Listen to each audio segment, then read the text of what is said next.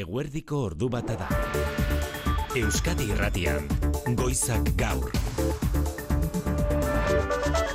Arratsaldeon deizuela guztioi prentxaurraren zain honetan, baina 2008 lauko garraio publikoan herritar guztientzat euneko hogeita marreko deskontua onartu du Sánchezen gobernuak urteko azken ministro kontseiluan jadatera zaio kontra PP salatuz, estela personaren errenta kontuan hartzen deskontua aplikatzeko alegia aberatxek edo behartxuek deskontu bera izango dutela garraio publikoan. Sánchezen gobernuak adostutako deskontu honi erantzi jaurlaritza Euskadirako iragarritako beste euneko hogeikoa. Oinarrizko elikagaiei bez murriztua aplikatuko zaie kainera bitarte aitzitik argindarraren beza euneko bostetik euneko amarrera igoko da. Bankuen irabazien gaineko ezoiko zergari bere horretan eutxiko die, baina badirudi eta horren zain gaude enpresa energetikoen ezoiko zerga berdiseinatu egingo dutela pesoek eta sumarrek. Bide batez, aurrez hitzen manda bezala, ea jotarekin adostu du Sánchezen gobernuak, Euskadik eta Nafarroak kudeatuko dituztela, banku eta energetiken ezoiko zerga hoiek aurrerantzean. Ministroen kontseilua esan da, bezala badirudi amaituta dagoela eta une batetik bestera espero dugu Pedro Sánchez gobernuko presidentea bera prensaren aurrera. Bide batez eta bere jasoko dugu baita ere, Euskadiko autonomoen pentsio eta prestazio apalak konpensatzeko jaularitzak eta hiru lurralde historikoetako merkataritza ganberek gaur hitzartu duten borondatezko aurreikuspenerako sistema berria uste dute Euskadiko amar autonomotik zazpik egingo dutela bat sistema berri honekin.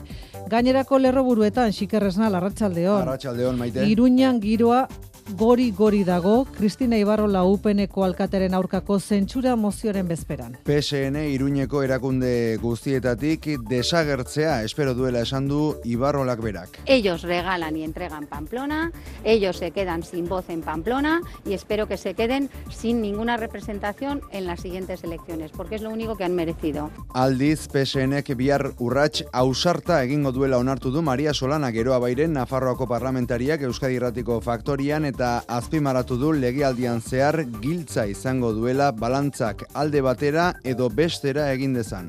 Hor egongo da froga, ikustea ze amaika kotearekin elkartuko den pesenen. Ikuste dut momentu honetan argi eta garbi dago eta aurrera pauso balientea izan dela ezin dutukatu. Bide batez ordu honetarako bihar dagoeneko gauzak ondo bozkatuta egongo da zentsura mozio hori eta espero da ordu honen bueltan aterako dela udaletxeko balkoira Joseba Asiron EH Bildukoa aginten makila eskutan Euskadi Ratiak saio berezi eskeniko dizue bihar udaletxe plaza ingurutik. Gazan azken eguneratzea dagoeneko ez dakigun nola adierazi ere gertatzen ari dena hogeita bat mila eta eun persona hil dituzte, palestinarrak, eta berrogeita amabost milatik gora zauritu Israelen erasoetan bertako osasun agintariek gaur emandako azken datuak dira. Eta tentsio giroa areagotzen ari da bitartean Israelen eta Iranen artean Irango guardia iraultzaileak mendekua agindu du Israelek guardia iraniarreko goi agintari bat hil ondoren Sirian.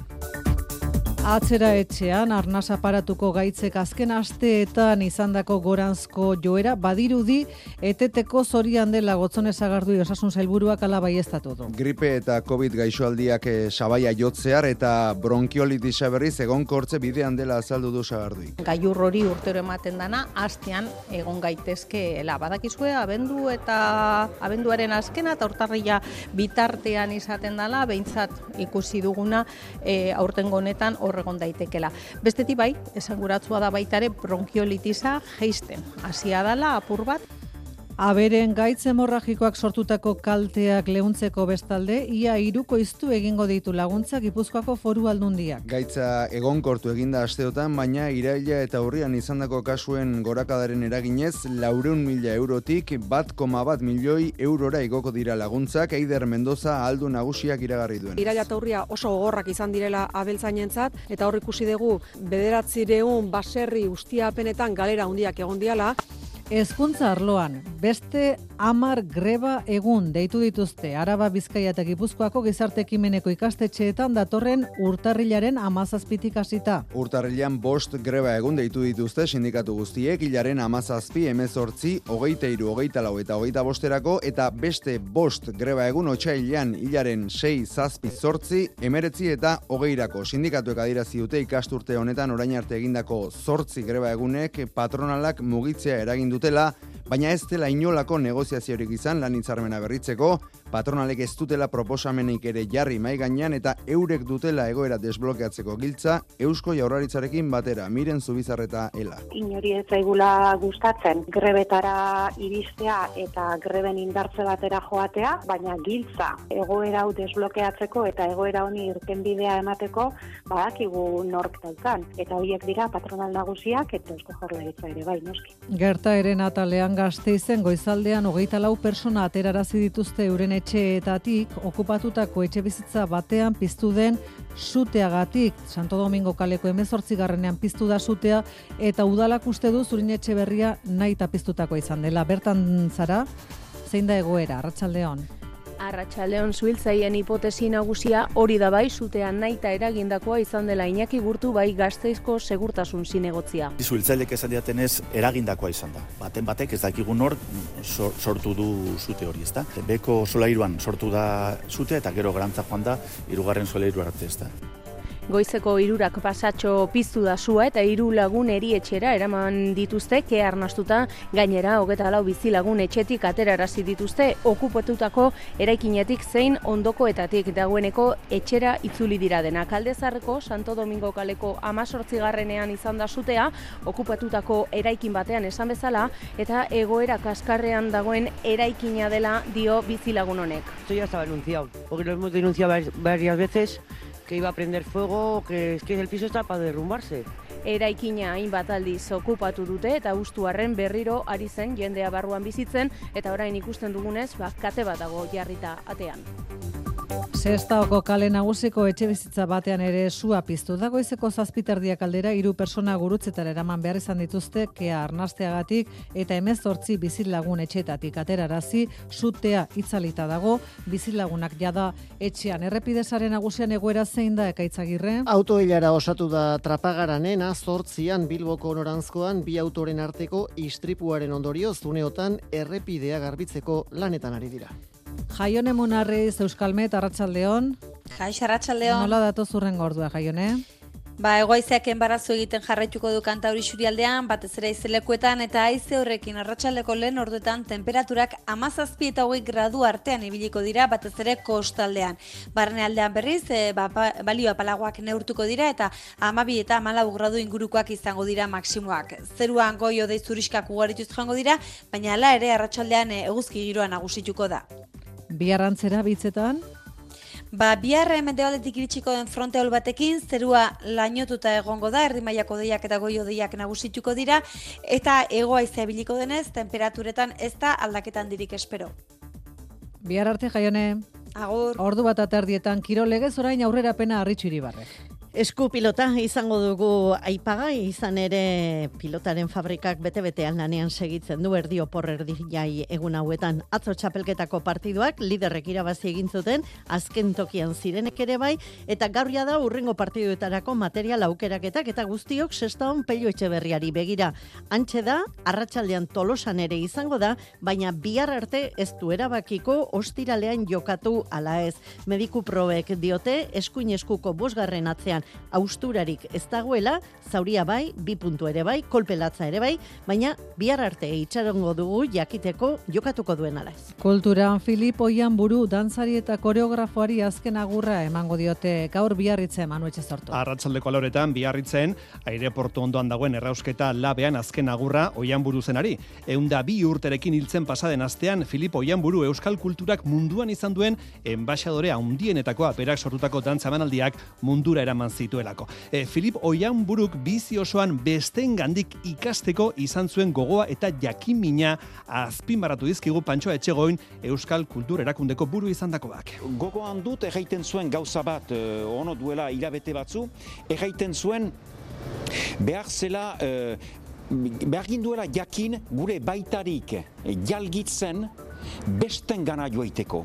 Zeren biziki kuriosa zen eta egiten zuen behar ginduela kuriosak izan. Irurogeita urte egin zituen, dantza munduan, oian buruk eta mila eta bosteun dantzari izan zituen maite bere ardurapean. Arratzaldeko ordu bata eta mar minutu dira Xabi Gallastegi eta Xabi Iraola teknikan eta errealizazioan. Euskadi Irratian, Goizak Gaur, Maite Artola. Madrilen ministroen kontxello amaitu berri orain txatera da prentsaren aurrera Pedro Sánchez, Espainiako gobernuko presidentea. El grueso de las medidas adoptadas en el año Berehala 2022. joko dugu bertara, autonomoentzat bien bitartean EPSV edo borondatezko aurrikuspeneko sistema osagarria sortu dute goizak gaur jaularitzak eta hiru lurralde historikoetako merkataritza ganberek autonomoek gizarte segurantzan egiten duten kotizazio apalaren ondorioz jasotzen duten pentsio bajua berdintzen joateko izan ere mila eurora ez da iristen bataz beste autonomoen pentsioa Euskal Autonomia Erkidegoan. Larogei mila edo larogeita mar mila autonomo inguruk ere sistema honekin bat egingo duela espero du jaularitzak maialen narratibel arratsaldeon. Arratsaldeon bai Gipuzkoan, Araban eta Bizkaian jarduten duten autonomoen euneko irurogeita marrek bat egingo dutela EPSV edo aurreikuspen sistema berri horrekin, hori da jaurlaritzaren aurreikuspena. Ia egun mila pertsona izango dira, jente askori, autonomo askori heltzea, ez? Hori da gure gure helburua eta uste du posible izango dela. Helburua da beraz Pedro Azpiazu Ogasun Sailburuaren hitzetan alik eta langile autonomo gehienen erretiroa babestea, pizgarri fiskalen bidez besteak beste eta horretarako aurreikuspen sistema hori martxan izatea espero dute hiru hilabeteko epean. Posible dela, emetik hiru hilabetera martxan egotea hau. Legealdea amaitu urruti, bai, bai. Bueno, ez dakit noiz amaitu da, hori lehendakarian, lehendakarian eskuetan nago, ez nabil, eh, Ba, legealdia amaitzerako edo ez eta txantxak alde batera utzita, behin sistema pres dagoenean, langilek ze urratxe eman beharko dute pentsioen plan osagarri bat izateko, ba, nork bere kabuz egin alko du, baina gremioka edo sektoreka ere diseinatu izango dituzte, eta horien arabera, ekarpenak adibidez izango dira aldizkakoak edo apartekoak, babestuko diren arriskuak ere ez dira kasu guztietan maila berekoak izango naiz eta denetan estali beharko dituzten erretiroa, eriotza eta ezintasuna. Entzun, Maurizio Arregi Gipuzkoako Merkataritza Ganberako presidentea. Guk egingo dugu bakoitzak autonomoen elkartei, hainbat elkarte daude, beraiei galdetu nola baitea zer nahi duten. Eta horren araberan, ba plan bat edo hainbat plan Merkataritza ganbere gainera, ekimen horiek sustatu beharko dituzte eta administrazio gastuak murriztu ere bai.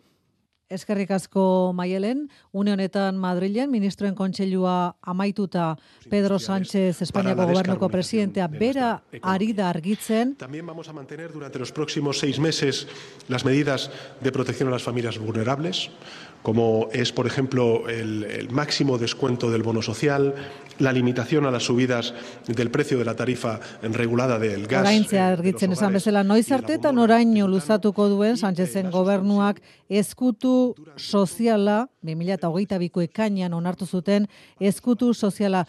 Goazen zuzenean Madrilera Mikel Arregi Arratsaldeon.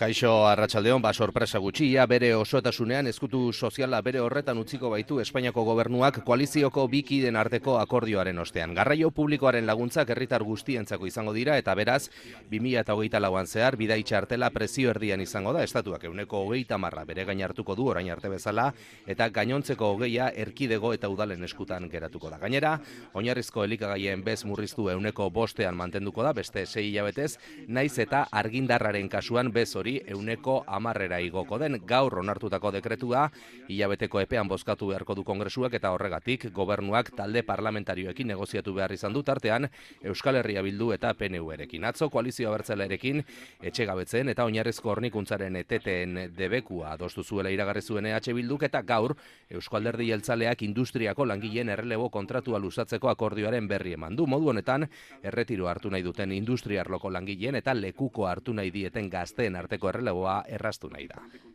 Aldaketari gabe utziko die bestalde hori argi zegoen banketxeen ezoiko zergari eta enpresa energetikoen gainekoari ere bai, Mikel?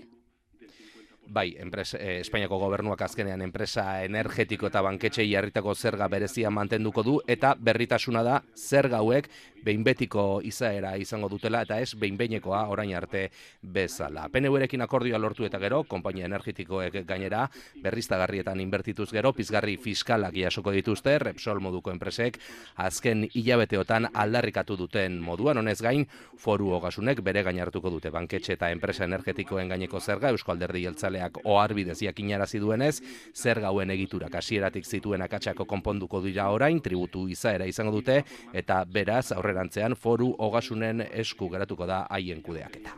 común que así lo deseen. Y de esta forma se equipararán con las comunidades autónomas de régimen foral que ya lo tenían cedido. Badero de eh, iaia sinkronizatuta zegoela, Mikel Arregi kontatzen ari zitzaiguna, eta Sánchez Espainiako gobernua, ko-presidente oraintxe ematen ari den azalpenak. Esan dakoa, azkenean, banketxe eta enpresa energetiko handien gaineko ezoiko zerga, behin betiko zerga bihurtuko da, eta Sánchezen gobernuak EAJarekin adostuta bezala, aurrerantzean, Euskadik eta Nafarroak kudeatuko dituzte zerga hoiek. Ordu bata eta amasei minutu dira. Eguerdiko amabietan hasiko da bihar, Kristina Ibarrola UPNeko alkateren aurkako zentsura mozioaren eztabaida Iruñeko udalean. Euskadi Irratiak zuzenean eskainiko dizue eztabaida bozketa unea eta jakina erreakzioak. Saio berez egingo dugu udaletxe plaza ingurutik. Ez usterik ezean, bihar ordu honetarako dagoeneko bozketa amaituta izango da eta ikusiko ditugu zentsura mozioaren alde ama boto, kontra amaika eta aginte makila eskuetan nola aterako den EH Bilduko Joseba Asiron udaletxeko balkoia, balkoira. Bi deialdi daude deituta kalean, bata ospatzeko eta bestea protesta egiteko. Sortuk bultzatutakoa da lehena eta itxura batean UPN inguruko herritar batek erregistratutakoa bigarrena. Eli erasok atariko xetasunak arratsaldeon. Arratsaldeon ba ikusmena eta giroa bero maite Iruñan zentsura mozioaren eh, bezperan, eguerdiko amabietan hasiko da osoko bilkura adinekoen mailak zuzenduta. Zaharren aitzaki geroa baiko Koldo Martinezi egokitu zaio presidente lanak egitea. Hitza hartzen lehena Joseba Siron, EH Bilduren alkate gaia. Ondoren, Kristina Ibarrola, UPNeko alkatea. Eta jarraian taldetako eledunak handienetik txikienera. Zentsura mozioari, bai ala ez bozkatu beharko dute zinegotziek. Ez ustekorik ezean, EH Bildu, PSN, geroa bai eta zurekinen amabost boto alde, UPN eta Peperen amaika kontra, Joseba Sironek alkate makila jasoko du Koldo Martinezen eskutik eta aterako da udaletxeko balkoira.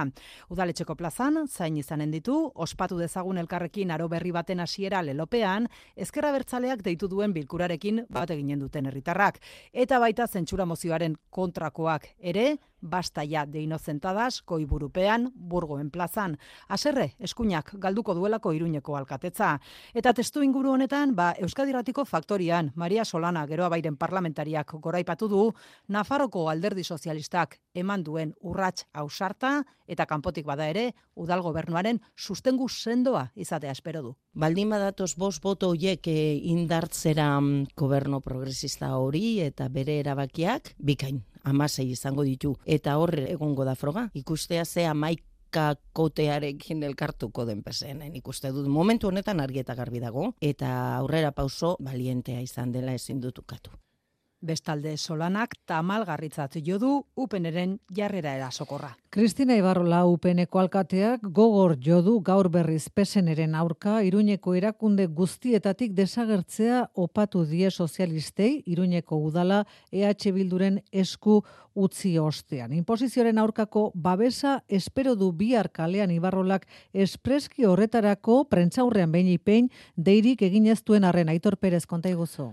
Bai, ala da hogeita la ordu, baino gutxiago falta zaizkio Kristina Ibarrolari aginte makila galtzeko iruñean eta jada aurreratu du bihar zentsura mozioaren ondotik udaletxeko ate nagusitik aterako dela arro egindakoarekin bere afiliatuen babesa esperu du ordu horretan udaletxe plazan ezkera bertzaleak deitutako elkarretaratzea izango baita. A ver mañana qué hacen.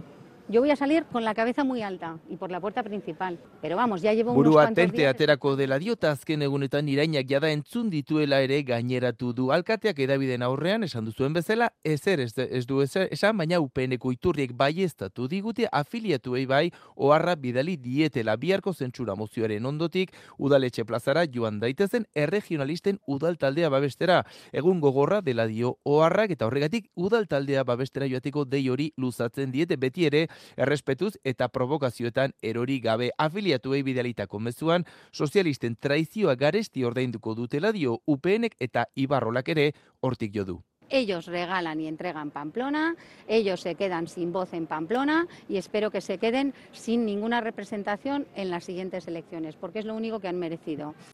Alkategis egiten duen azken ekitaldietako batean egin ditu adierazpenak Ibarrolak zehazki entzierroan hil diren amasei pertsona gogoratzeko entzierroaren ibilbideen jarri dituzten harri berezi batzuen aurkezpenean hitz egin du sekulako ikusmin mediatiko- mediatikoan murgilduta. Ordu bata eta hogei minutu dira. Euskal Autonomia erkidegoan gizarte ekimeneko itunpeko ikastetxeetan beste hamar greba egun deitu dituzte sindikatuek. Grebak urtarrilean eta otsailean izango dira bost greba egun hilabete bakoitzean Ela Esteilas Komisiones Lab eta UGT sindikatuentzat onartezina baita abenduko bosteko greba egunaren ondoren Barkatu, abenduko bost greba egunen ondoren, patronalek mairik deitu gabe eta proposamenik egin gabe jarraitza eta beraz, mobilizazioak indartzea erabaki dute. Aixun erozen arratsaldeon. Arratsaldeon iaz bederatzi greba egun egin ondoren, azkenekoak abenduan bertan, heldu da sindikatuen deialdi berria, urtarrilean bost greba egun deitu dituzte, urtarrilaren amazazpi emezortzi hogeita iru hogeita lau eta hogeita bostean egiteko, eta otsailean beste bost, otsailaren sei zazpi sortzi, emeretzi eta hogeian. Ez dutela duela urte batzuetako auzia luzatu zen bezala luzatzerik nahi, baina Kristau Eskola eta Aize Izea patronal nagusiei eskatzen diete sindikatuek arduraz jokatu eta proposamen berriak aurkezteko negoziazio mailan miren zubizarreta ela. Ez degula nahi aurreko gatazka luze eta gogorrera iritsi nahi. Zer da gertatzen dena? Bueno, ba, patronalen aldetik ez dagoela erantzunik eta ez dagoela e, proposamenik. Berreun ikastetxetako bederatzi mila langile daude beraz berriro ere grebara deituta eta egun dagoita mar mila ikaslerengan izango du grebak eragina. Gatazka bideratzeko hezkuntza sailak ere esku hartzea eskatzen dute. Ez dela erozein eragile, badaukala e, ardura bat e, sektore honetako langileen lan baldintzen inguruan, eta beraz, ba, bueno, esku hartu beharko lukeela gatazka hau bideratzeko. Langileen aldarrikapenen artean daude lan zamarintzea, KPIa bermatuko duten soldata igoerak langileentzat, lanpostuak mantentzea eta prekarietateari aurre egiteko neurriak. Somatuko zenuten agian etxetik urruti gabe, Arnasketa aparatuko gaixotasunen inzidentzia maila nola igo den azken asteetan izan gripe, kobita edo bronkiolitiza, baina badirudi iguera hori zapaia jotzear dela. Ala dirazi du gotzone sagardui osasun sailburuak nabarmenduz bide batez, eri etxeek eta lehen arretak ondo erantzun diotela egoerari maitan ezubijana arratsaldeon. Arratsaldeon bai pasaden astetik ona gorakada izan dute gripearen eta COVIDaren COVID-19aren kasuek bereziki gripea da herritarra gogorren erasaten ari dena, baina normaltasunaren barruan kokatu du bai gotzone sagardoi osasun sailburuak urtero izaten diren kasuak direla, are gehiago nabarmendu du bronkiolitisa dagoeneko hasi dela apaltzen eta gripea, gripearen eta COVIDaren kasuak gailurra jotze hartutela. hori nahiko oizkoa izan daitekela ulertzen da eta baita ere ba gailur hori ematen dan gailur hori urtero ematen dana astean egon gaitezkeela. Esanguratsua da baita ere bronkiolitisa jeisten. Hasia dala apur bat eta bueno, beti ere itxaron egin beharko dugu da torren asteko txostenera ikusteko hor egonkortu egiten garen edo ez. Urte sasoi honetan osasun zentro eta etxetan jende gehiago hartatu behar denarren azpimarratu du arreta bermatuta dagoela, ez dagoela inolako kolapsorik eta ondoari zaiela erantzuten herritarren beharrei. Satxe sindikatua plantilla indartzeko eskatu arren, sagarduik dio momentuz ez dela beharrezkoa eta behar izan ez gero osakidetzak prest duela bere kontingentzia plana kontratazio gehiago egin behar badira horiek egiteko baina aitortu du arazoak dituztela profesionalak bilatzeko. Gipuzkoako abeltzaintza sektoreari lotuta, foru aldundiak hasi egingo ditu laguntzak aberen gaixotasun hemorragikoak eragindako kalteak arindu asmo. Zeider Mendoza aldu nagusia larraulgo behi azienda batean izan dago gaur eta Xabier Urteaga antxe iragarri du aldundiak lareun mila eurotik bat koma bat milioi eurora igoko dituela diru laguntzak. Bai aldundiak laguntzak iruko iztu egingo ditu irailean eta urrian gaixotasun hemorragikoak ango gordio duelako gipuzkoan larraulgo larraula baserriko jon tejeria izan da kaltetuetako bat. Eunda hogei behi ditu erdia kutsatu zitzaizkion bost hilegin ziren eta ama bost sakrifikatu zituzten. Osatu direnek gaixotasunaren ondorioak dituzte. Okarrena gelditu diana gaztiak izan dira. Aurren umezko bigak, biga umein berrik, bat debiltxo harrapatu ditulako, Beak, claro, rekuperatu india, baina ez nia, ez naik ez, ez du rekuperatzen. Ez du rekuperatzen, da, beste batzuk anketatikan, errena, errena eragin dile, beste batzuk begita, eragin diferente asko izan dira bai. Gipuzkoan guztira, seireun abelburu hildira eta irumila baino gehiago gaixotu. Eider Mendoza diputatu nagusia. Bederatzireun baserri ustiapenetan galera handiak egon diala, bai argitu nahi duna Gipuzkoako foru aldundiak da, ekoizpenean alegia konsumitzen den horretan inolako eraginik ez duela gaixotasun honek, baina abelburuak hil dira eta aldi berean ere beraien errendimenduan, gainontzekoen errendimenduan ere eragina izan du gaixotasunak. Eta horri aurre egiteko bi laguntza lerro jarriko dituzte martxan, hildako abelburui dagokiena eta gaixotasuna izan dutenei zuzendutakoa. Gaixotasuna iraiaren bostean detektatu zen, urri bukaeran eguraldi aldaketarekin virusaren edapena erabat apaldu zen. Udaberrian gertatuko denaren zain daude, Xabier Arruti lurralde oreka berdeko diputatu. Aditxuek esaten digutenez, gaitza guainen gelditu egiten da, e, lozorroan bezala bat esateko, baina hil, hil, ez da egiten, ez? Eta ba, arriskuri badago ba, berriz ere udaberri berrian edo e, bersortzeko edo zabaltzeko. Gaixotasuna transmititzen duen eltsoaren edapena berotze globalarekin lotuta dagoela uste dute adituek.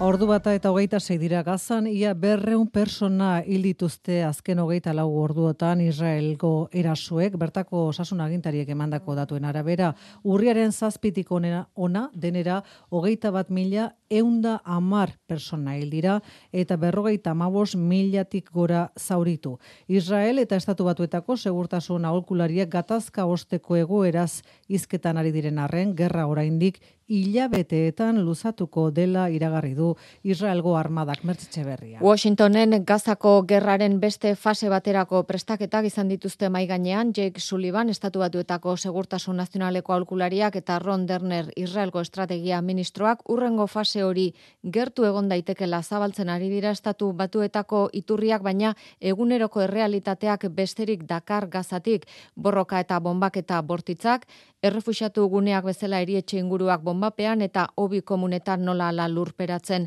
Hildakoak gazan urriaren zazpitik ona hildiren hogeita bat mila eta egun hildakoen zenbakiak. Ia dena estaltzen badu ere Jordanian ere gaulatza izan dute. Tulkare hemen sei hildako utzi ditu Israelek dron bidez egindako erasoak eta tentsio giroa gora doaldi berean eskualde osoan Libano hegoaldean ezbolako kide bat eta haren bi senitarteko hilditu Israelen bombaketak eta bestetik Irango Guardia Nazionalak mendekua iragarri du Israelen aurka Israelen aire eraso batek Sirian Guardia Nazionaleko goi buruzagi bat hileta gero. Bada Gernika Palestina herri ekimenak elkartasun aktiboa izeneko kanpaina jarri du abian mundu bat gobernuzkanpoko erakundearekin batera. Donostian egindako manifestazioaren eta Gernikako ekitaldiaren ondoren bi ardatz izango ditu kanpainak. Gazan elkartasun proiektuak bideratzeko ekarpen ekonomikoa sustatuko dute eta Benjamin Netanyahu Israelgo lehen ministroa auzitegietara eramateko nazioartetik egiten diren eskaerekin bat egingo dute. Azken horretan jarri du azpimarra Agus Hernan Gernika Palestina herri ekimeneko kideak. Naiko genuke gutxienez, hogeita mar mila Euskal Herriko herritarrak Benjamin Netanyahu tribunetara eramatera. Zergaitik ikusten dugu genozidio bat gertatzen ari da. Barbaridade asko, gudako krimena gertatzen ari dira, eta hori gaur egun naziarteko komunitatea ikusita ze jarrera duen, oso garrantzitsua da gizarte zibiletatik herritarren gandik eh, abiatzea olako iniziatiba bat. Eta amaitu horretik gabon hauetan martxan jarri dute berriro ere gaueko trena bai baionatik Parisera 2017an gelitu zuten zerbitzua, berriro abiatu zuten 2022an, baina udaran soilik eta esandako orain berriz ere martxan da itziar la marka. Abenduak hogeita bian, gaueko bederatzietan abiatu zen lehen trena baionatik. Goizeko zazpietan heldu zen Parisera. Gaueko trenari bai kolektiboko kideek, Frantzia osoan, atsegin handi zartu dute linearen irekitzea. Pascal Dubon. La différence entre l'avion Abioi batekin alderatuta, trenak euneko irurogei edo laurogei gutxiago kutsatzen du. Gaueko tren batek normalean seireun eta zortzireun kilometro artean egiten ditu, eta horrek berreun kilo zeo biko diferentzia egiten du. 200 kilo en general. Ekonomikoagoa ere bada, abiadura handiko trenean Parisera joan etorriak eun eta berrogei tamar euro kosta dezake. Gaueko trenean berriz berrogei euroan egin daiteke bidaia bera aulkietzan garrietan, eta irurogei irurogei tamar euroan litera hartuta. Hori bai, oporrak denbora zantolatuta, baina urte osoko zerbitzuak beste abantaila batzuk ere baditu. Lan bidaiak egiteko adibidez, gauean irten eta goizean iritsita lanegun oso bat duzu hiriburuan, hotelik ordaindu gabe. Interesgarria da batez ere Frantzian isolatuago dauden lurraldeentzako. Ez baitute bestelako garraio bide azkarrik. Quoi. Dubuanek kargi du hala ere zerbitzua oraindik gehiago zabal daitekeela. Gure helburua Frantzian amabos linea martxan jartzea da, eta beste amabost Europan. Batez ere Iberiar penintsularekin lotu nahi dugu. Ematen du Europan indarra hartzen ari den garraio bidea dela. Beraz, agian, hemendik urte batzuetara, kontinentea trenez gurutzatuko dugu, lo gauden bitartean. Arratsaldeko ordu bat aterdiak jo berriak. Euskadi Irratian eguraldia eta trafikoa. Trafikoan aparteko gora berarik gabe, segurtasun zailak esan digunez, eta uxe eguraldiaren pronostiko aurrengo orduetarako Euskal Met. Egoaizeak enbarazu egiten jarraituko du kantauri surialdean, batez ere izelekuetan eta aize horrekin, arratsaldeko lehen orduetan, temperaturak amazazpi eta hogei artean ibiliko dira batez ere kostaldean. Barnealdean berriz, eba abilio apalagoak neurtuko dira eta amabi edo amala gradu artekoak izango dira. Zeruan goio dei zuriskak ugarituz jango dira, baina hala ere arratsaldean eguzki giroa nagusituko da. Eta bi osteguna mendebaldetik iritsiko den fronteol batekin, zerua nahiko lainotuta agertuko da, erdi mailako deiak eta goio deiak nagusituko dira, baina apenas egingo duen euririk.